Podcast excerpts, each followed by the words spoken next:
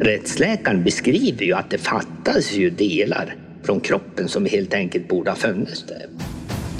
Det här är ju någonting som man aldrig liksom kan glömma. Ska jag vara ärlig så våndas jag fortfarande över det här. När en kvinna mördas är det väldigt ofta hennes man eller partner som är skyldig. Och om hon dessutom hittas mördad i sitt eget hem, ja, då är det så gott som alltid partnern som har gjort det. Och det här vet förstås polisen. Så när en manlig partner ringer till polisen och det ligger en mördad kvinna i bostaden, ja, då är det oftast en ganska enkel utredning. Partnern grips och allt handlar egentligen om att få fram ett erkännande. Jag heter Hasse Aro. Välkomna till min podd Fallen jag aldrig glömmer.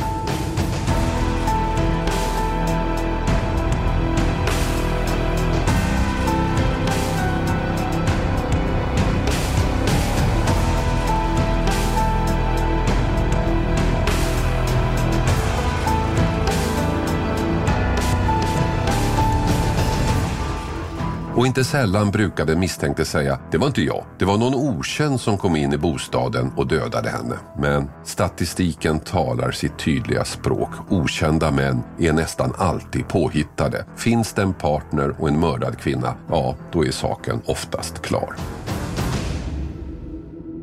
Fast det är ju ett problem det här med statistik. Det säger ju egentligen ingenting om enskilda fall. Hur det än brukar vara i olika fall så kan det vara helt annorlunda just den här enstaka gången. På morgonen den 30 mars 2005 får larmcentralen i Gävle ett samtal från en upprörd ung man. Hallå? Hallå, är polisen? Kom till Sixaxvägen 27 fort. Vad har hänt då? Jag, jag, jag vaknade på morgonen så såg jag en kille hugga ner min tjej hemma. Men vad är din tjej nu då? Hon ligga hemma. Jag sprang eh, hem till pappa och ringde. Den första patrullen som kommer till platsen möter 20-åriga Tommy på gårdsplanen utanför hyresfastigheten. Han är klädd i shorts och är mycket upprörd. Han berättar att han vaknat av bråk i lägenheten för bara en kort stund sedan.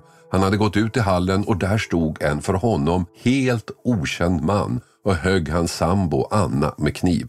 Hugg efter hugg. Tommy flydde platsen, sprang ner några trappor till sin syster som bodde i samma trappuppgång och ringde SOS Alarm.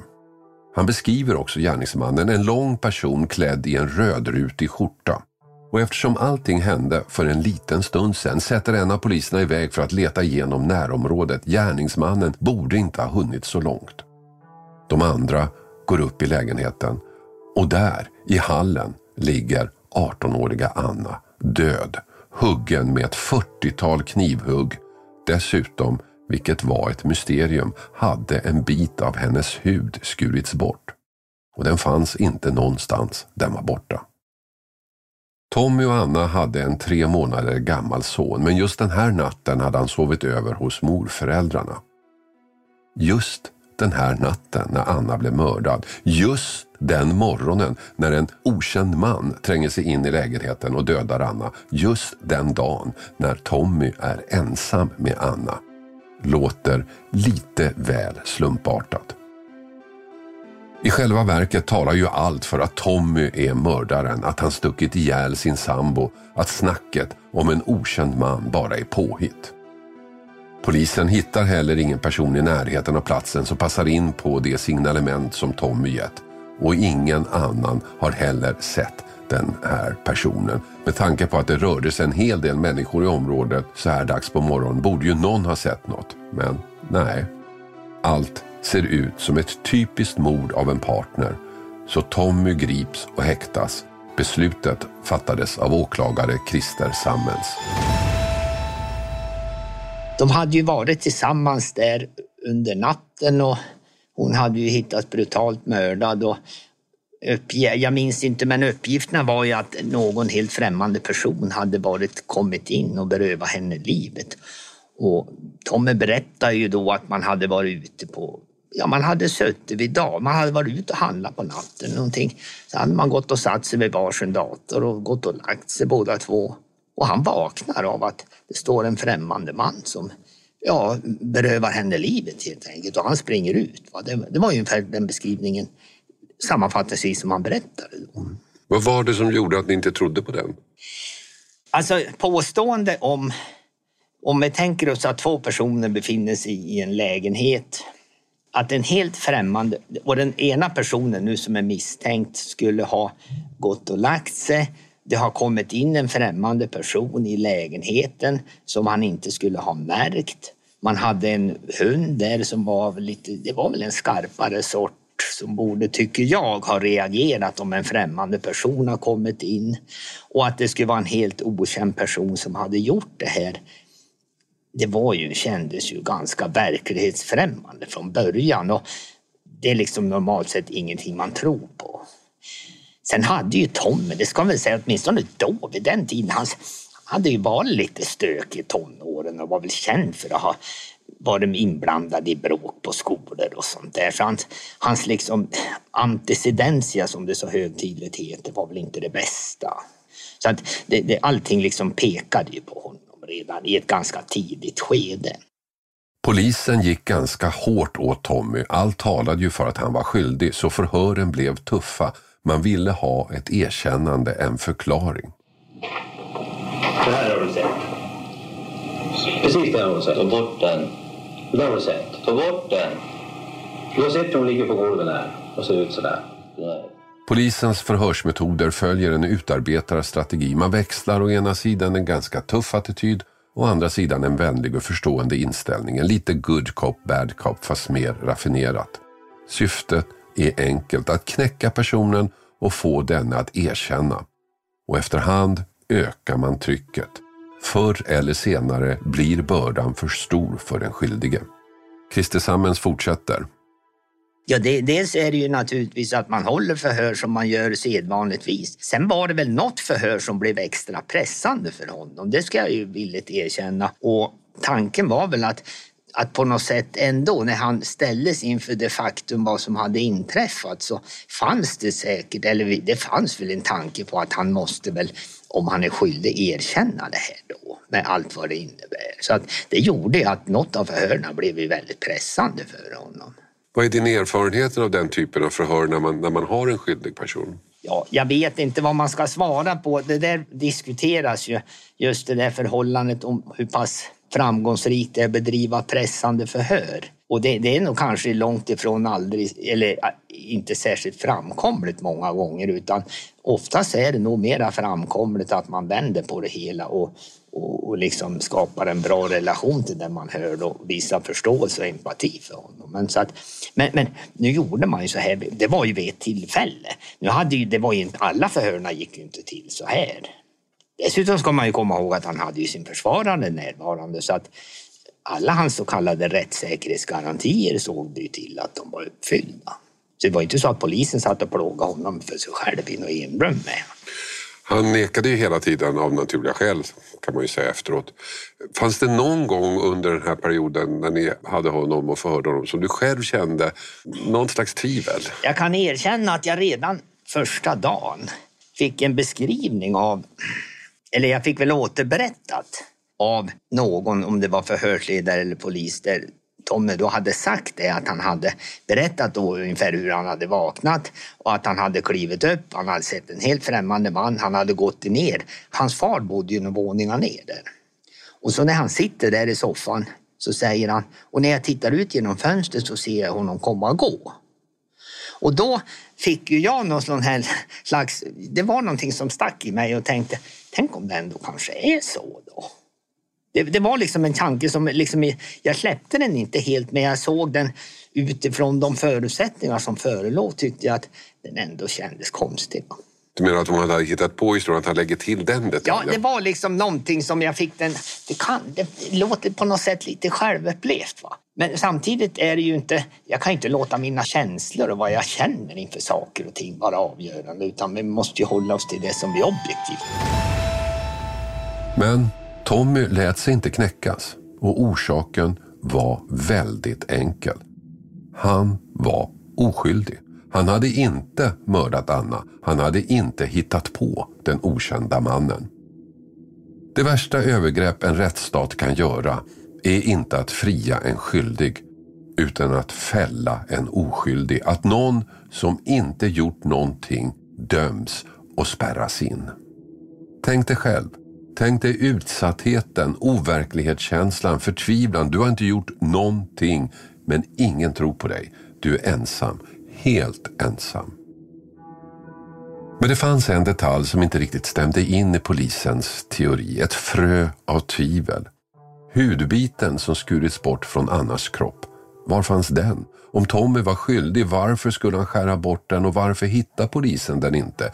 Tommy hade knappast haft tid att gömma den särskilt väl. Och flera veckor efter Tommys gripande, lite väl många veckor kan jag tycka, kom nästa frö av tvivel. DNA-analysen från brottsplatsen. Blodspåren hade analyserats och det fanns DNA-spår av två personer i blodstänket. Den ena var förstås Anna själv, men den andra var inte Tommy. Det andra DNA-spåret kom från en okänd person. Om Tommy var skyldig, varför fanns inte hans DNA där och hur kunde någon annans, någon okänds DNA finnas på platsen?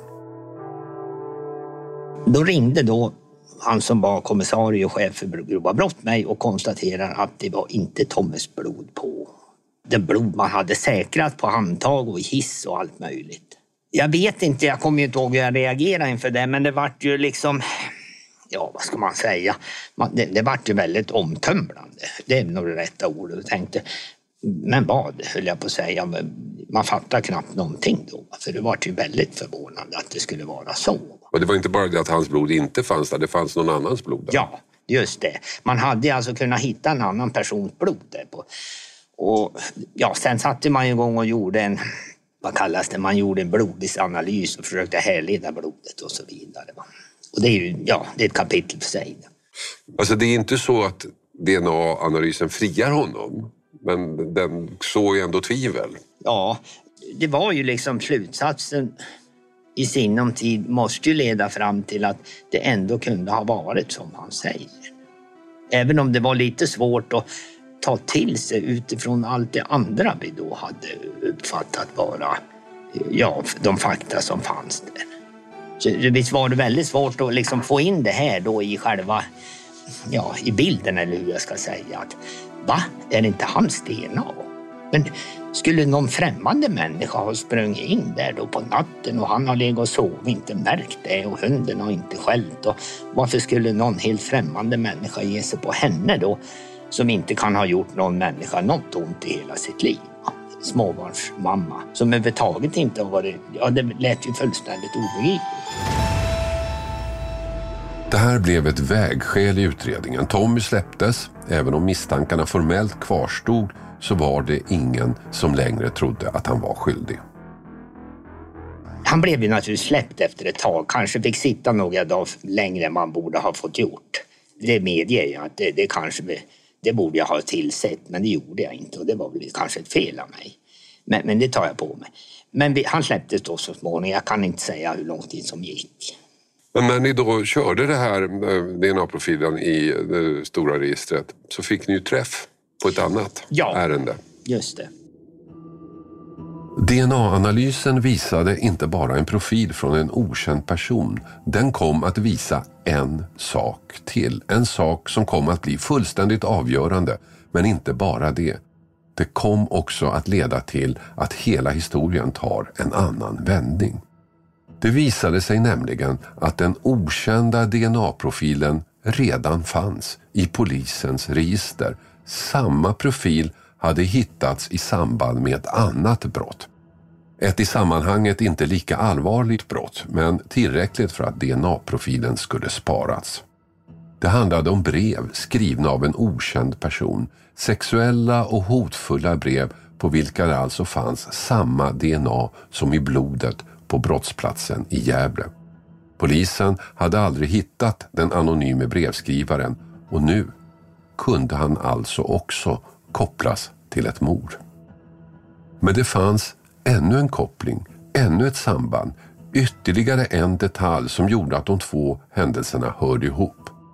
De anonyma breven var ställda till en ung kvinna som hette Camilla och hon skulle det visa sig växte upp i samma fosterhem som den nu mördade Anna. Så offret i mordet och offret för hatbreven kände alltså varandra. Då får vi ju träff på ett brev som är avsänt till en kvinna som är bosatt i Skutskär. Och hon hade då fått ett, ja hur ska vi uttrycka det, ett brev med grova sexuella inviter eller vad vi ska kalla det för tillskickat sig för det var väl, ja om det var ett år innan eller någonting liknande. Men då visade det sig att blodet som fanns då i den här lägenheten där mordet förövades hade avsatts av samma person som hade skickat då det där brevet till den kvinnan. Det kunde ni säga? Eller ja, det, så sa ju analysen. Sen visade det sig att man samtidigt gjorde man ju då man skickade för vad det kallas, är det rättsgenetisk eller blodgenetisk undersökning för att försöka härleda då DNA-profilen. Och i det fallet då så fick man ju fram då att den här skulle vara någon form av DNA-profil som egentligen inte fanns i Sverige utan härleder mer åt Mellanöstern eller det området så skulle den vara vanligare. Och det där var ju också lite konstigt måste jag ju säga för att det var ju också en faktor som verkligen inte Ja, det kändes ju inte heller som det var liksom riktigt relevant heller. Så att de här fakta liksom spretade åt alla håll på något vis. Men då från att ha varit ett ärende där ni är ganska säkra på att, att det här skulle ni klara upp eh, relativt fort så blev det ju nu tvärtom ett väldigt komplicerat ärende. Den hade två från varandra till synes helt oberoende fall där det ändå fanns en koppling. Så det, det måste ha känts som att det här kommer att ta tid. Ja, det vart ju liksom en väldigt märklig utveckling av hela ärendet om jag säger så. Förvisso fanns det ju nu möjligheter för polisen att, att ha ett annat... Man, man hade ju nu en kvinna till målsägare man kunde jobba mot som hade fått det här brevet nu och se, kartlägga och se vad som kunde finnas. Vad fanns det i hennes så att säga, umgängeskrets och vilka personer fanns det där som kunde vara aktuella? Så på så sätt fanns det ju mera uppslag för polisen samtidigt. Mm. Vad sa hon när ni pratade med henne om breven? Hon hade väl någon uppfattning att det kunde vara något ex eller liknande som hade legat bakom de här avsända breven. Och det är klart att det ledde ju till att polisen måste börja bearbeta det spåret och hypotesen om det kunde vara så. Camilla hördes förstås av polisen. Hon berättade om breven hon anmält. Hon visste förstås inte med säkerhet vem som skrivit dem men hon var övertygad om att det var hennes ex. Och rent rutinmässigt kollade förstås polisen av exet men han hade alibi vid tiden för mordet. Så istället fokuserade man nu på fosterhemmet, det hem där både Camilla och Anna tillbringat delar av sina barndomar. Familjen hade tagit hand om flera barn förutom Camilla och Anna när de var små. Man hade bland annat adopterat två pojkar som var i Anna och Camillas ålder Båda var nu vuxna och hördes förstås av polisen, inte som misstänkta utan bara för att kartlägga Annas barndom. Inget märkligt hände vid förhören. En sak stack ut dock. Den ena brodern, Lennart, var lite speciell. Han hade inget jobb och bodde i en friggebo på adoptivföräldrarnas tomt. Lite egen skulle man kunna säga. Lite udda. Och rent rutinmässigt togs också DNA-prov från båda bröderna. Det första besöket vill jag minnas som polisen gjorde hos den där familjen, det var väl det att de hade huset fullt av katter. Och det bodde då, nu minns jag inte, men det var en man och en kvinna och de hade två söner som bodde där då. Polisen var ju där flera gånger. Ja, sen som det visade sig, han Lennart då beskrevs ju då, man hade träffat honom. Han hade bott och han bodde väl på, i en liten stuga där på tomten och förde en väldigt undanskymd tillvaro som de beskrev det för mig. Han var tystlåten och gick där omkring och ja, ägnade sig åt datorspel och liknande och gjorde inte mycket väsen av sig.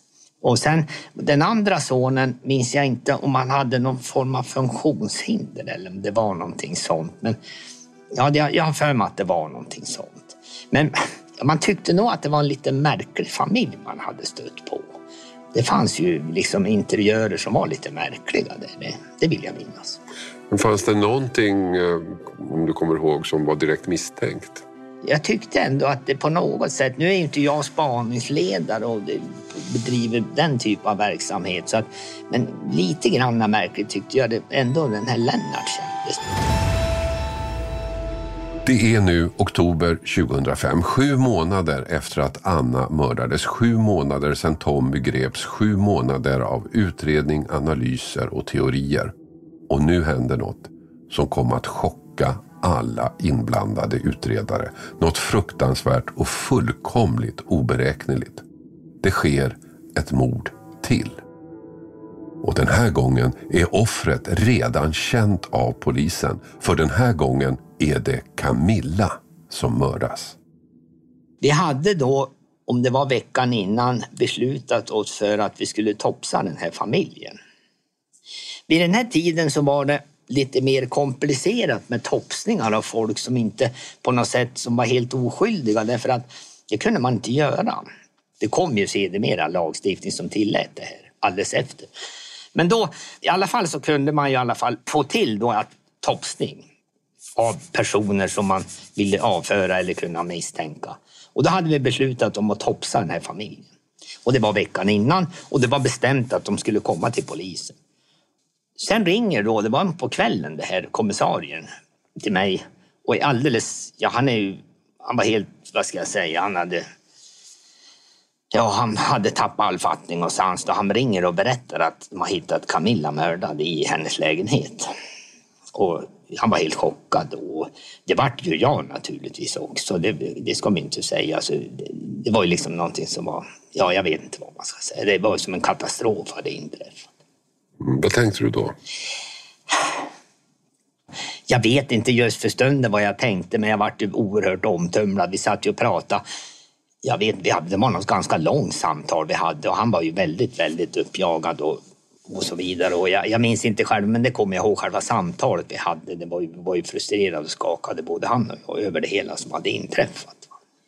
Tänkte du då någonting om att det här skulle ha en koppling till det tidigare mordet? Slogs ja, den tanken jag, jag, jag, tror att det slog mig den tanken då. Alltså, jag, det där, jag vet inte riktigt hur jag resonerar, men för mig på något sätt så slog det mig att detta måste ha en koppling. Familjehemmet, två mord och det, det måste vara en koppling till det där. Nu fanns det ingen tvekan. Först mördas Anna och när polisen utreder DNA-spåret så hamnar de hos Camilla och sen mördas hon. Det är klart att det inte är någon slump. Det är klart att morden hör ihop. Och lösningen finns i DNA. Det gemensamma DNA. Ett DNA som låg och väntade på att bli analyserat. Svaret fanns i provrören hos det som då hette SKL men som idag heter NFC, Nationellt forensiskt centrum. Men händelserna går nu så fort att man helt enkelt inte hinner vänta på det svaret. Men då tänkte jag så här, jag hade ju fått en beskrivning av denne Lennart. Där han beskrevs då som varande som person och, och det ena med det andra. Och på något sätt tänker jag, det måste fan i mig ha varit han. Alltså. Det, det, var ju liksom någon slags intuitiv känsla jag fick. Det ska man kanske akta sig för att få som åklagare. Men, men jag, jag, så, jag vill minnas att alldeles, eh, jag, nu kommer jag inte ihåg tiden, men en av utredarna åkte ju då förbi där han bodde och kunde konstatera att han stod och eldade på gården. Eller där han bodde utanför där och höll på att elda kläder. Och då, han tog sig in till polisen då misstänkt för det här. Lennart är alltså fosterbror med både Anna och Camilla. Han har bränt kläder, han gör ett förvirrat intryck, indicierna mot honom är svaga. Det som behövs är DNA-analysen av hans blod. Är det Lennarts DNA det handlar om? Åklagare Christer Sammens ligger på SKL. Även om han inte har hand om häktningen i just fallet med Camilla så vet han att DNA-svaret kan vara nyckeln till allt. Även hans fall med Anna. Det här var nog en slut av en vecka så vi behövde ju få få en bekräftelse på blodanalysen. Så då kontaktade jag dåvarande NFC och sa det att vi måste, nu, är det här, nu har vi ett dubbelmord, det här är oerhört angeläget att vi får ett besked om det hela. För att det visste jag ju att även om de har sina ledtider och följer ett visst, så går det ändå i extrema fall att kunna göra undantag från det där och få ett snabbt svar. Och det krävs ju lite arrangemang från deras sida. Men då, då sa de det att ja, vi kan inte ge dig ett svar samma dag, men om vi får dagen därpå från att du får proverna. För de måste stänga av hela processer och kedjor. Och det, det gick ju bra. Va? Så att han begärdes då häktad och då fick vi in under, tror jag, eller om det var under häktningsförhandlingen eller om det var före då, så fick vi en bekräftelse på att han, hans blod fanns på båda Mm. platserna. Som jag har förstått så var det precis innan Ja, häktningsförhandlingen. det var nog alldeles innan. Jag tror att det, det var en, jag, jag hade inte häktningen med honom sen utan det var, det var åklagaren från Uppsala som hade det. Men då fick man en bekräftelse på att det var hans blod. Mm. Och då var det ju ganska okompenserat. Ja, för efter det när det här kom, då valde han att berätta. Ja, det var nog så. Ja, han valde då då blodet kom. Ja, för han hade nekat för det. För sen berättade han ju då ganska utförligt i förhör ja, hur det här skulle ha gått till. Och, ja, det var, ju- det var ju ett erkännande av båda morden. Och nu erkänner 29-årige Lennart allt. Det var han som mördade Anna och det var han som mördade Camilla. I båda fallen säger han sig drivas av en lust, ett begär att döda, att dricka blod, berättar han. Han ska även ha ätit av Annas kropp, vilket skulle förklara avsaknaden av ett hudparti på henne. Och båda morden gick till på ungefär samma sätt. Han går helt enkelt och ringer på sina fostersystrar. När de öppnar hugger han ner dem. Precis så som Tommy sa sig ha sett i Gävle. Precis så som ingen trodde på i början. Lennart dömdes till sluten psykiatrisk vård och han sitter fortfarande på Säters sjukhus.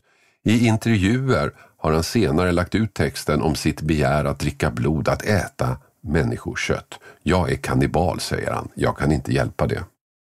Men själv har jag en gnagande känsla av att det här motivet låter som en efterkonstruktion. Att kannibalvinkeln är något han kommit på i efterhand, kanske för att göra sig lite mer intressant. Även Christer Sammens är tveksam till det motivet. Alltså jag, jag är ju ingen rättspsykiatriker så jag, jag ska ju inte sitta och liksom Naturligtvis har ju Lenne Lennart blivit undersökt av läkare i olika sammanhang som är naturligtvis mer insatta än mig. Och det fanns ju faktiskt stöd för att det första mordet på Sätra mycket väl kan ha varit utslag av kannibalism. Därför att rättsläkaren beskriver ju att det fattas ju delar från kroppen som helt enkelt borde ha funnits där. Så på så sätt fanns det ju objektiva fynd för det.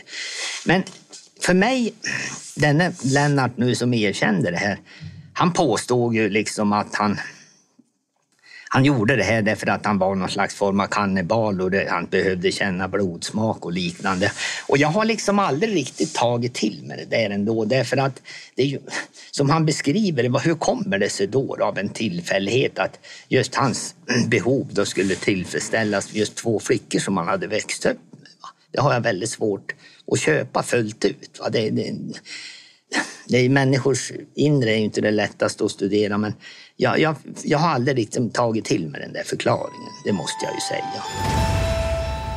Som sagt, jag tycker att kannibalpratet bär efterkonstruktionens prägel. Det är klart att det är intressantare för pressen med en kannibal än en misslyckad person som bor i en friggebod hos föräldrarna. Det har nu gått 15 år sedan allt det här hände. För Christer Sammens är detta det kanske märkligaste fallet han haft under sina mer än 30 år som kammaråklagare. Inte minst för att den första huvudmisstänkte visade sig vara helt oskyldig. Det händer kanske ofta i fiktiva deckare, men inte i verkligheten. Ja, det är beklagligt. Alltså, om jag säger så här då, utan att förringa honom, så tänker jag ju så här, ja, han fick sitta häktad, han var oskyldig. Och naturligtvis, normalt sett tycker man ju sånt är, det är ju inte roligt. Va? Men samtidigt kan man ju säga så här, att han blev häktad på de här, utifrån de förutsättningar som förelåg redan från början var ju inte särskilt konstigt. Det har ju snarare varit konstigt om man aldrig har blivit intagen eller anhållen eller häktad. Jag kan tycka att det, det bär jag ett ansvar för. Att han kanske skulle ha... Han fick sitta några, något längre tid än vad han egentligen borde ha gjort. Det, det tar jag på mig. Samtidigt så kan jag ju säga så här också att han är ju en av de få häktade som ändå, det är inte så många som har suttit häktade som kan gå ut och vara helt rentvådd som han ändå blev. så att på något sätt så tror jag ändå det vet jag ju inte, men han fick i alla fall upprättelse för det här. Och på något sätt och sympati för att han, vad han hade behövt ha genomlevt. Jag förstår ju att det måste vara oerhört plågsamt att sitta häktad för någonting man vet man är oskyldig och alla tror man är skyldig till. Det, det, det, det har jag ju all förståelse världen för. Tommy fick verkligen se rättsapparatens baksida. Han fick uppleva det som kan hända alla rättssystem oavsett hur perfekta de kan vara, att bli oskyldigt misstänkt. Men trots detta misstag visade sig systemet fungera. Den rätte mördaren greps och Tommy släpptes. Han fick dessutom skadestånd för den tid han suttit inne. Förmodligen alldeles för lite, men med utbetalningen följde ju också ett medgivande att staten faktiskt gjort fel. Tyvärr var inte andra myndigheter lika benägna att medge sina misstag. Trots att Tommy frigavs, trots att det var ställt utom tvivel att han var oskyldig, trots att den riktiga mördaren erkände fick inte Tommy tillbaka vårdnaden av sin son. En son han hade förlorat när han häktades, vilket man i och för sig kan förstå. Men efter frikännandet tog det månader att få tillbaka vårdnaden. De sociala myndigheterna gav sig inte och hans kamp tog längre tid än det tagit för honom att bli frikänd. Det var den riktigt stora skandalen. Det här fallet som helhet måste ju ändå ha varit väldigt speciellt för dig, även om du har varit med om mycket. Ja, det var det ju. Det här är ju någonting som man aldrig liksom kan glömma på något sätt. Va? Det, här, det är ju liksom inte ett dussinfall, utan det här, nej, det, det är ju någonting jag... Ska jag vara ärlig så bondas jag fortfarande över det här.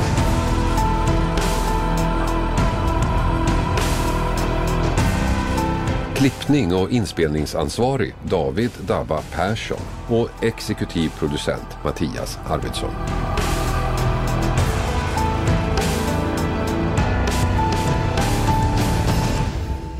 Produceras av I Like Radio. I like radio. Ny säsong av Robinson på TV4 Play. Hetta, storm, hunger. Det har hela tiden varit en kamp. Nu är det blod och tårar. Fan händer just nu. Det. är Detta är inte okej. Robinson 2024, nu fucking kör vi! Streama söndag på TV4 Play.